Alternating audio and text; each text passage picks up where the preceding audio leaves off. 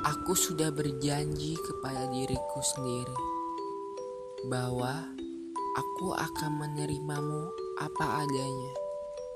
Mau seburuk apa pun kamu nanti, dan mau sebaik apa pun kamu nanti, aku akan mencoba belajar untuk menerimanya.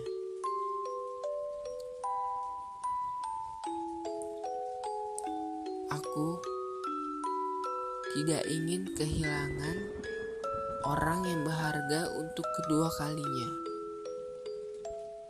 Aku ingin mau hubungan kita ke depannya sesulit apa pun itu, aku ingin kita akan selalu mensupport dan saling menguatkan.